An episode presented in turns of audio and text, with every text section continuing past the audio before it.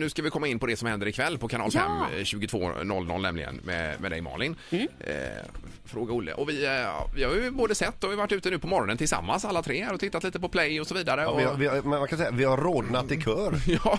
Var det lite härligt? Nej men alltså hur rodnar du själv aldrig när du är ute på de här uppdragen? Jo men gud jo. Ja, eh, ibland blir jag ju väldigt, väldigt generad och eh, känner att det är väldigt jobbigt. Men samtidigt så sätter man ju på sig lite så här jobbögonen. Ehm, och jag kan ju lite grann gömma mig bakom att jag faktiskt är intresserad av personerna och att fokus ligger på dem. Men vad är det konstigaste du själv har stött på i sexväg? Och nu menar jag inte egen erfarenhet utan kanske i jobbsituation då. Ja, och, och tänk på att det är ett familjeprogram. Nej, men i, alltså, det konstigaste jag varit med om på inspelning kan jag väl säga, det var när vi träffade en kvinna i USA Ja. som eh, började suga på min inslagsproducents tår Eh, Okej. mitt under en intervju. Och det var ju väldigt märkligt. Ja, det händer ju ja. inte varje dag kan man säga. Hur mådde han efter detta? Hon, eh, hon eh, skrattade väldigt och blev nog lite, lite chockad och traumatiserad. Så att hon går i terapi nu. Nej, Ja, jag skulle känt som jag blivit... Eh, jag förstår vad du vill komma till. Ja, just det. Men, men Ja, alltså, det- kan, kan, du, kan du känna så här ibland? För att du, du, du är ju högt och lågt bland alla eh, nischer. Om man kan uttrycka det på det sättet. Kan du tänka så här ibland liksom att eh, herregud, det står inte rätt till hos dig tror jag. Eh, det har ju hänt att vi har träffat människor som man har känt så här, okej här står det inte riktigt rätt till. Nej. Och då har vi valt att inte ha med de människorna. Ja. Ehm, att det kan ju vara så att folk faktiskt har någon, ja men lite psykisk störning eller är, är sjuk eller något sånt där som man kanske inte riktigt, det känns inte helt hundra att visa de människorna. typ sådana som är kära i en cykel eller så. Nej men då är det ju, en- en- nej men Det är en annan typ kanske. Ja men alltså det är ju, det kallar ju OS, alltså OS, Object Sexual och det, det är ju ingen sjukdom utan det är ju bara en läggning och det tycker inte jag är någon fara. Vi har ju haft med en tjej som heter Erika Eiffel Ja, är det- i, ja. i första ehm, säsongen som jag gjorde.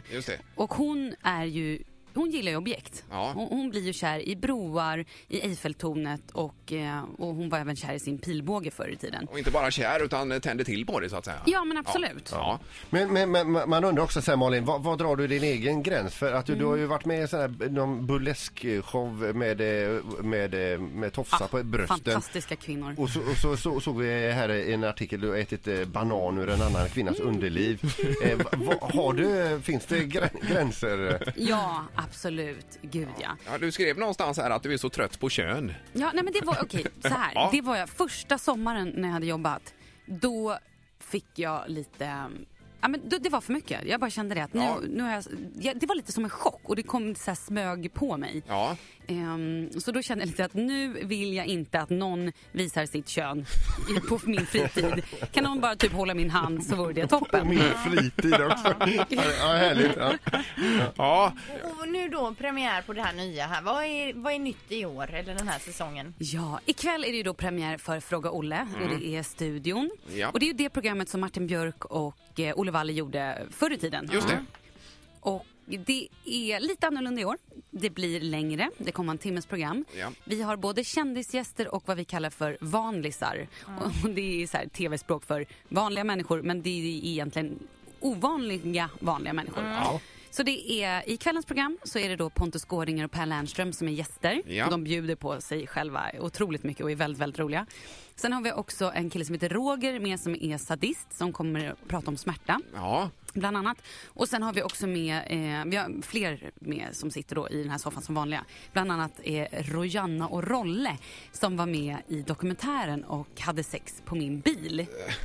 Och du sa ju tidigare här att du tyckte vi skulle belysa saker och det skulle bli mer accepterat. Tycker du att det ska bli mer accepterat att ha sex på folks bilar?